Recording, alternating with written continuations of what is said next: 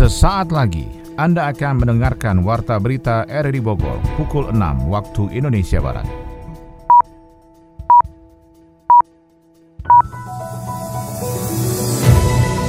Selamat pagi, salam jumpa. Kami hadir kembali dalam Warta Berita edisi hari ini, Rabu 15 Juni 2022. Informasi ini juga turut disiarkan melalui audio streaming lewat RRI Play dan juga disiarkan lewat Radio Tegak Beriman Kabupaten Bogor, Jawa Barat dan Anda bisa akses di Spotify RRI Bogor.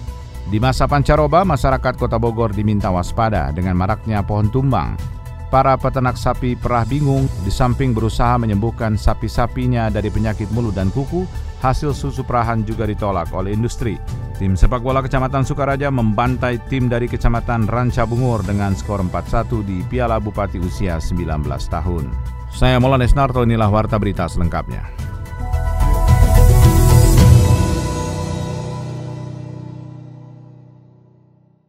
Belasan pohon di kota Bogor, Jawa Barat tumbang Peristiwa terjadi saat wilayah kota Bogor diguyur hujan lebat dengan angin kencang pada Senin 13 Juni 2022. Kejadian sore hari itu mengakibatkan putusnya kabel listrik di lokasi terdampak pohon tumbang sehingga beberapa wilayah sempat mengalami pemadaman. Selain itu, beberapa bangunan rusak dan arus lalu lintas macet parah. Badan Penanggulangan Bencana Daerah BPBD Kota Bogor mencatat 12 kejadian pohon tumbang yang tersebar di dua kecamatan, yakni Kecamatan Tanah Sareal dan Bogor Barat. Pohon dari berbagai jenis itu tumbang setelah wilayah tersebut diterpa angin kencang dan hujan deras pada Senin sore. Sejauh ini tidak ada korban jiwa atau kerusakan atas tumbangnya pohon tersebut, namun sempat terjadi kemacetan parah di beberapa titik akibat ruas jalan tertutup batang pohon. Masyarakat Kota Bogor harus waspada pohon tumbang yang sering terjadi di kala cuaca ekstrim terjadi di wilayah Bogor atau pada saat peralihan musim seperti saat ini. Kita akan ikuti laporan Sony Agung Saputra. Pohon tumbang kerap terjadi di wilayah kota Bogor saat musim pancaroba peralihan musim hujan ke musim kemarau. Personil Badan Penanggulangan Bencana Daerah BPBD Kota Bogor mencatat kejadian kerap terjadi di wilayah Tanah Sareal dan Bogor Barat. Kepala Pelaksana BPBD Kota Bogor Teofilo mengungkapkan pada areal tersebut kerap terjadi musibah bencana alam pohon tumbang, bahkan terakhir terjadi di areal tersebut sehingga menyebabkan antrian kendaraan. Petugas langsung melakukan penanganan dengan membersihkan dahan pohon tumbang agar tidak menghalangi masyarakat yang melintas di kawasan tersebut. Jam antara jam 2 3 siang, Bogor dilanda hujan angin, dan kejadian di wilayah yang paling banyak kejadian kemarin, Bogor Barat sama Tanah Sareal, 14 kejadian pohon tumbang dan satu lokasi atau rumah terbang. Nah, penanganannya kemarin semua tertangani, evakuasi untuk pohon yang menghalangi jalan dan ada juga yang menimpa rumah dan segala macam sudah tertangani. Sementara itu pihaknya juga menghimbau agar masyarakat dapat menghindari area yang menjadi langganan terjadinya pohon tumbang terutama pada siang dan sore hari. Aktivitas masyarakat harus aman dan nyaman dengan memperhatikan faktor keselamatan diri dari bahaya pohon tumbang terlebih saat melakukan aktivitas di kawasan banyak pohon rindang dan berusia tua. Waspada untuk di kota Bogor banyak jalan semuanya banyak pohon dan segala macam dari di saat, saat rawan jam rawan yang tadi saya sebutin mulai dari jam 12 ke atas karena berpotensi hujan angin takutnya menimpa ataupun berimbas ke keselamatan. Akhir-akhir ini yang kita amati di tahun 2022 ini kejadian kebanyakan di wilayah paling banyak kemarin kejadian itu di Tanah Sareal sama Bogor Barat. Kemarin itu posisinya kejadian Jalan Abdullah bin Nuh, sekitaran Yasmin maupun wilayah Tanah Sareal itu. Jika terjadi potensi pohon tumbang maka masyarakat dapat melaporkan ke BPBD atau pemerintah Kota Bogor melalui kecamatan dan kelurahan agar segera dilakukan penebangan oleh instansi terkait. Lalu bagaimana kekhawatiran masyarakat Kota Bogor akan fenomena pohon tumbang yang kerap terjadi belakangan ini? Kita ikuti liputannya. Saya Linda, warga Tanah Sareal. Akhir-akhir ini cuaca emang gak menentu banget. Pagi ke siang panas terik, terus sorenya hujan deras banget. Saya setiap hari mobilitas ke kantor. Kalau di jalan pas lagi hujan deras sih emang agak takut juga kalau ngelewatin pohon gede. Tapi intinya kita harus waspada kalau di Bogor udah hujan deras sih. Hindarin pohon-pohon besar atau baliho-baliho dan tetap hati-hati di jalan aja. Kalau bisa itu pemerintah Kota Bogor melalui dinas terkait seperti DLHK ya setiap beberapa waktu sekali periksalah pohon-pohon yang sudah tua, yang rentan tumbang. Jadi kita ini dengar beritanya ngeri-ngeri juga ya. Saya Abi warga Ciomas uh, Bogor kan memang banyak pohon-pohon besarnya gitu ya. Di tengah cuaca seperti ini harapannya sih ada beberapa tindakan yang dilakukan pemerintah kita khususnya untuk uh, mengatasi uh, pohon-pohon yang rawan tumbang. Habis ngeri-ngeri banget sih. Harapannya sih itu aja. Sementara untuk mengetahui lebih jauh terkait fenomena pohon tumbang di kota Bogor yang akhir-akhir ini terjadi, berikut kami hadirkan wawancara Adi Fajar Nugraha bersama Teofilio Patrisinio selaku Kepala Pelaksana BPBD Kota Bogor. Pak Teo, ini kemarin ada kejadian belasan pohon tumbang tuh Pak Teo di Tanah Sareal Pak Teo. Iya. Nah, terus kita kan juga memang sebenarnya memasuki musim peralihan Pak Teo ya, dari penghujan ke kemarau. Nah, mungkin apa yang bisa disampaikan dari kejadian kemarin Pak Teo, bagaimana kronologinya awal Pak Teo? Jadi kemarin siang antara jam 2 ke jam 3 ya ada hujan sama angin besar. Wilayah Kota Bogor terutama itu di posisi Kecamatan Tanah Sareal dan Bogor Barat Barat. Nah, kejadian kemarin tercatat ada 15 kejadian, 14 pohon tumbang dan satu satu lokasi yang atap rumah terbang terbawa angin. Uh, bahwa memang di musim peralihan dari musim hujan ke musim kemarau karena pancaroba barangkali cuacanya ekstrim uh, sehingga kejadiannya kemarin sangat banyak. Uh, harapan kita ada menghimbau ke masyarakat untuk jam-jam rawan sekarang itu setelah juhur biasanya mulai hujan tuh agar bisa apa namanya untuk keselamatan menghindari melakukan perjalanan di saat-saat lagi hujan angin akan Bogor hampir semua ruas jalan ada pohonnya jadi memang sangat rawan untuk keselamatan. Terus yang di rumah juga agar dilihat untuk lokasi rumah yang banyak pohon besar uh, bisa dikomunikasikan dengan pengurus kelurahan informasikan ke dinas terkait untuk melakukan pemangkasan atau pemeliharaan untuk mengantisipasi hal-hal yang tidak diinginkan. Oke, eh, Pak Teo, mungkin bisa dipetakan Pak Teo titik-titik mana saja yang menjadi rawan bencana mungkin selain pohon tumbang juga memang kan Bogor ini kan terkenal dengan potensi angin puting beliung nggak Pak Teo? Ya, jadi untuk tahun-tahun lalu kejadian banyaknya uh, untuk angin itu wilayah selatan sama wilayah timur, Bogor Timur, Bogor Selatan. 2022 ini banyak kejadiannya di wilayah Bogor Bogor Barat sama Tanah Sareal. Jadi untuk kelurahan-kelurahannya yang kemarin uh, pernah kejadian itu mulai dari situ gede, Semplak, Curug, Curug Mekar, uh, terus ke Tanah Sareal ini ada Kedung Waringin, ada apa namanya, yang Kedung Badak, uh, terus ada daerah Kayu Manis, juga Mek Mekar Wangi yang sering-sering potensi kejadian. Kalau untuk kemarin saja, kalau untuk hari kemarin banyaknya seputaran wilayah Cimanggu sama ini uh, Cimanggu sama wilayah Yasmin ya Yasmin Curug sama Curug Mekar kemarin kejadiannya banyak. Oh, Oke okay. artinya berarti dari BPBD sendiri sudah ada koordinasi untuk upaya pencegahannya dengan tadi Pak Kalak ya, memotong pohon-pohon ya Pak Kalak ya? Ya, jadi kalau untuk pencegahan teman-teman dari Dinas Perumahan Pemukiman di bidang pertamanan, waktu dari pas kejadian awal yang lalu ke pas terjadi pohon tumbang nimpa orang segala macam Pak Wali udah instruksikan. Sama juga kita komunikasi dengan teman-teman di lapangan termasuk Bukadis jadi pemangkasan udah dilakukan untuk daerah-daerah ruas jalan yang banyak uh, pohonnya yang perlu dipangkas.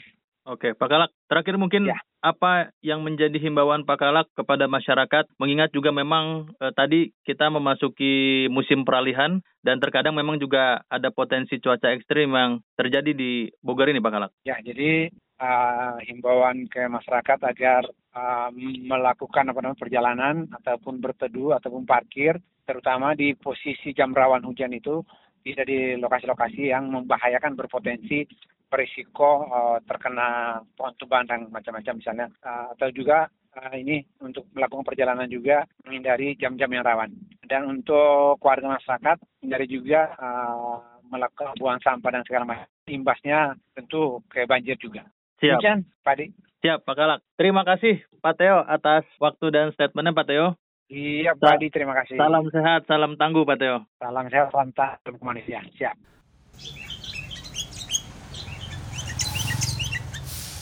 Pagi, Ci Oom. Loh, kenapa anak-anak kepada berangkat sekolah, Cuk? Ah, nggak usah, Bu RT. Dah si Neng mah bentar lagi ge bakal saya kawinin. Kalau Hanif suruh bantuin bapaknya dagang. Ya, si Neng mah masih keneh muda. Masa mau dikawinin? Hanif juga kan paginya bisa sekolah. Pulangnya baru bisa bantuin dagang. Biayanya gede nyekolahin anak mah. Yang penting bisa baca tulis. Mending uangnya dipakai buat modal. Ulus, cece. Anak-anak punya hak mendapatkan pendidikan loh. Kalau mereka sekolah tinggi dan sukses, pasti bapak ibunya ikut bangga. Bener juga ya. Nanti teh bisa bantu ngegedein usaha bapaknya tuh. Iya. Ya udah kalau gitu, nanti diurusin lagi sekolahnya anak-anak. Terima kasih ya Bu RT.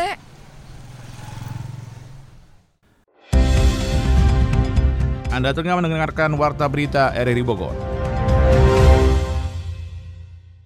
Kita beralih ke informasi lainnya, para peternak sapi perah kebingungan di samping harus berusaha menyembuhkan sapi-sapinya dari penyakit mulut dan kuku, hasil dari susu perahan juga ditolak oleh industri. Kita akan ikuti laporan Yofri Haryadi. Biar pengurus yang ngomong per hari, per tanggal 10 per sekarang, per tanggal 10 sekarang, tiap hari nambah itu. Udah kayak kopi saya bikin. Jam ini nambah berapa, jam ini nambah berapa.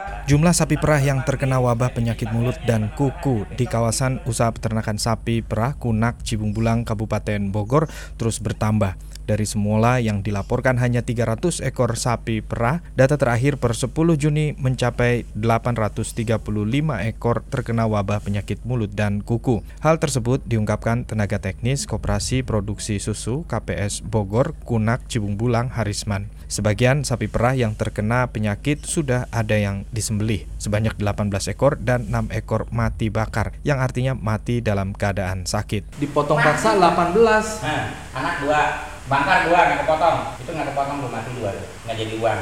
Mati pas kita lihat pagi-pagi udah mati. Hmm. Pedet 6, 6 ekor. Data ya, data bulan tanggal 10 per hari ini ada datanya saya tapi Sapi yang sakit karena PMK tidak mau makan. Jika diobati dengan antibiotik, hasil produksi susunya akan tertolak oleh industri karena ada campuran kimia di dalam kandungan susunya tersebut. Kondisi inilah yang dikeluhkan sejumlah peternak di Kunak Pamijahan Kabupaten Bogor. Salah seorang di antaranya Agus Jainuddin. Kalau dia sapi ini sakit, dia nggak makan dan tidak berproduksi susunya, Pak. Sangat turun dan nggak ada susunya. Sudah dia sakit terus nggak ada susunya. Kalau kita obati dengan antibiotik, susunya kan tidak bisa masuk ke industri karena ada ada residu antibiotik industri itu kalau susunya ada kandungan residu antibiotik ditolak pak tapi sapi-sapi yang terdampak PMK ini harus diobati dengan antibiotik. Vaksinnya ini yang agak telat pak gitu loh. Ya mungkin pemerintah masalah dana atau di mana dia cari vaksinnya yang bingung.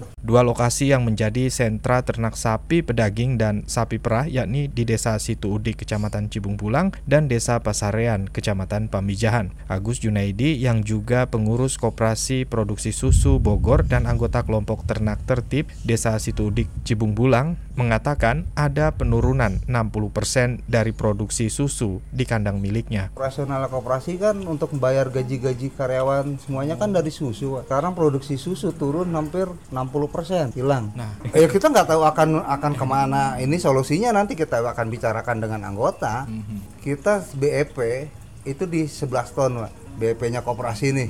Nah sekarang kalau turun menjadi 3 ton, 8 ton yang hilang untuk manajemen operasional koperasi ke mana ngambil cari minusnya?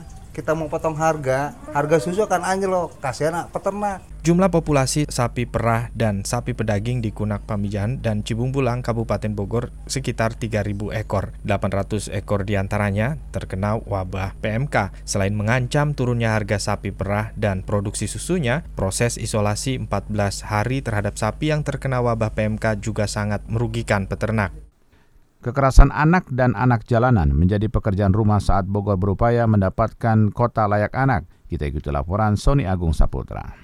Aparatur pemerintah Kota Bogor tengah mempersiapkan naik status atau tingkat kota layak anak yang saat ini berada pada level media menjadi Nindya atau utama. Untuk itu masukan dari berbagai pihak berdatangan agar bisa maksimal dalam menghadapi berbagai permasalahan yang dihadapi Kota Bogor untuk mewujudkan kota layak anak level Nindya seperti penyakit masyarakat, penyakit masalah kesejahteraan sosial, PMKS pada anak jalanan, dan kekerasan terhadap anak. Ketua Komisi Perlindungan Anak Indonesia KPAI Kota Bogor Rudi Siarudin menjelaskan banyak persoalan harus menjadi pekerjaan rumah pemerintah Kota Bogor melalui Dinas Pemberdayaan Perempuan dan Perlindungan Anak dalam mewujudkan kota layak anak level Nindya. Banyak persoalan kekerasan dan PMKS dalam anak jalanan yang harus cepat terselesaikan sehingga masyarakat merasakan kota layak anak optimal terimplementasi. Bogor dalam hal ini juga memiliki kewajiban dan peranan kaitan dengan mengeliminir berbagai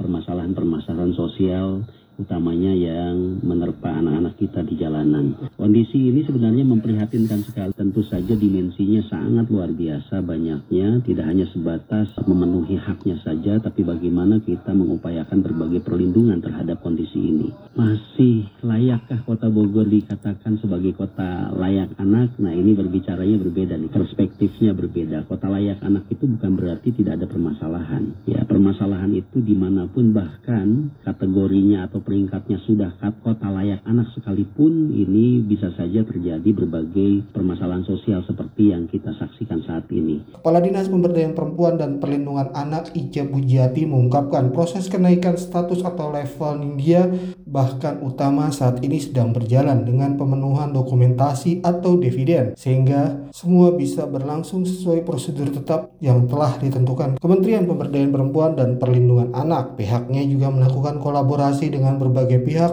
pengusaha, lembaga, swadaya masyarakat, dan pemerhati anak hingga media untuk bisa bersama-sama menyelesaikan masalah tersebut. Bahkan kekerasan anak itu kan sekarang sudah mulai kekerasan anak itu dari keluarga terdekat gitu ya. Ini kan luar biasa. Jadi makanya kita bersama KPAID, bersama APSAI gitu ya, bersama lembaga-lembaga pemerhati anak dan lain sebagainya, bahkan dengan media kita lebih push di pencegahan. Sekarang ini kita lagi lagi apa ya, gerakan pencegahan ini uh, sedang digemborkan lah sama kita. Uh, jadi artinya mari kita bersama-sama gitu ya, lindungi anak-anak kita dari segala macam kekerasan. Uh, terus juga sekarang kan pekerja anak itu hmm. anak yang dipekerjakan juga ya, ada badut gitu ya hmm. di jalanan kita manusia silver ya manusia silver gitu ya sekarang udah mulai lagi itu kan kadang-kadang kalau hasil bukan razia kali ya hasil pemantauan di lapangan kita bersama Satpol PP, Dinas Sosial dengan upaya menyeluruh maka program visi dan misi pemerintah Kota Bogor sebagai kota ramah keluarga dapat berlangsung dengan adanya bukti nyata terhadap status kota layak anak di level India atau utama.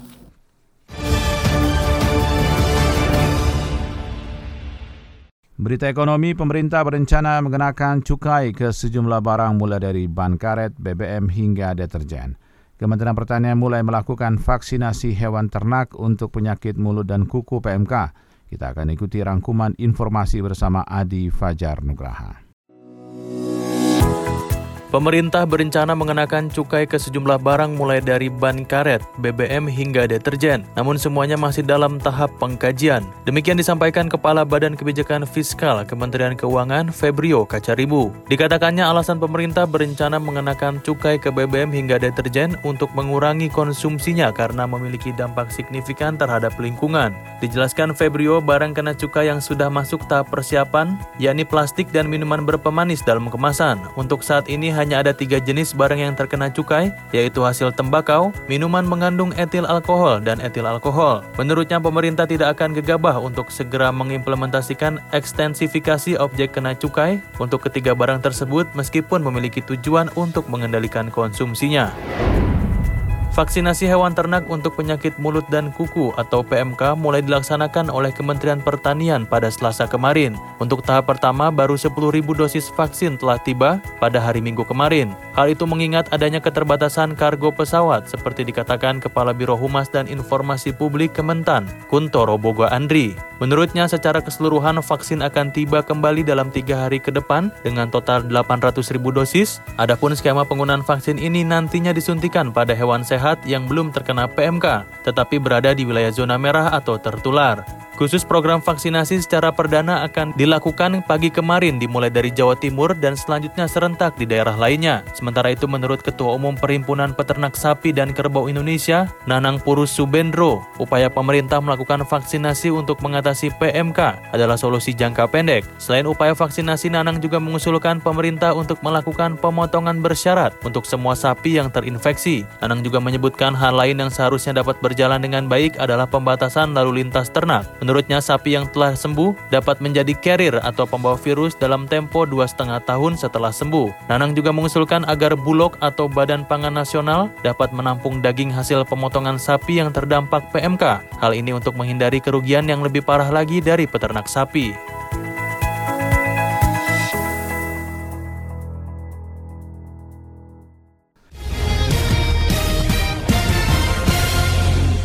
Tim sepak bola Kecamatan Sukaraja membantai tim dari Kecamatan Ranca Bungur dengan skor 4-1 pada Piala Bupati usia 19 tahun. Informasi ini disampaikan Ermelinda.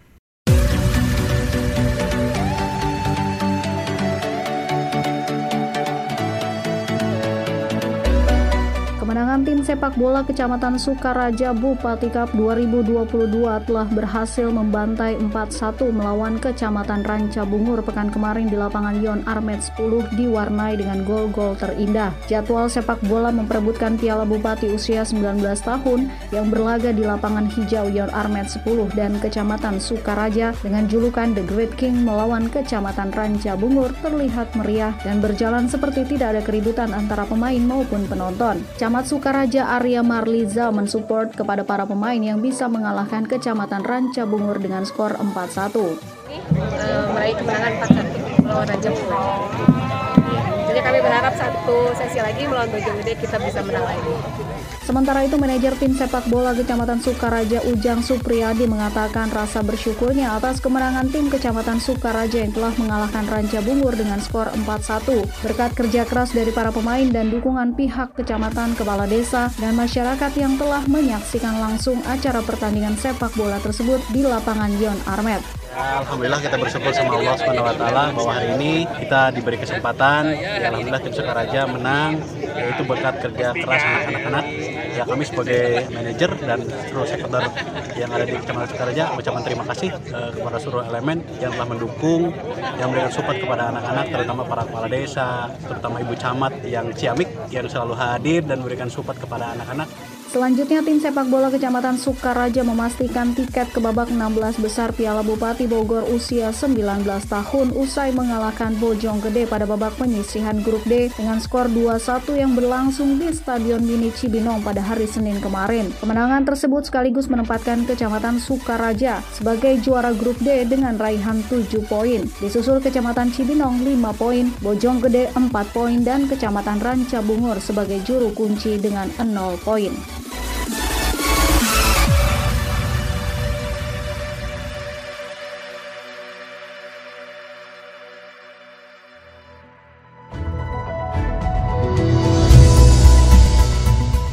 Demikian rangkaian informasi yang kami hadirkan di Warta Berita RRI Bogor pagi ini. Sebelum berpisah, kami kembali sampaikan berita utama. Di masa pancaroba, masyarakat Kota Bogor diminta waspada dengan maraknya pohon tumbang. Para peternak sapi perah bingung di samping berusaha menyembuhkan sapi-sapinya dari penyakit mulut dan kuku, hasil susu perahan juga ditolak oleh industri. Tim sepak bola Kecamatan Sukaraja membantai tim dari Kecamatan Ranca Bungur dengan skor 4-1 di Piala Bupati usia 19 tahun. Saya Maulana Isnarto bersama tim bertugas pada hari ini mengucapkan terima kasih atas perhatian Anda. Selamat pagi dan sampai jumpa.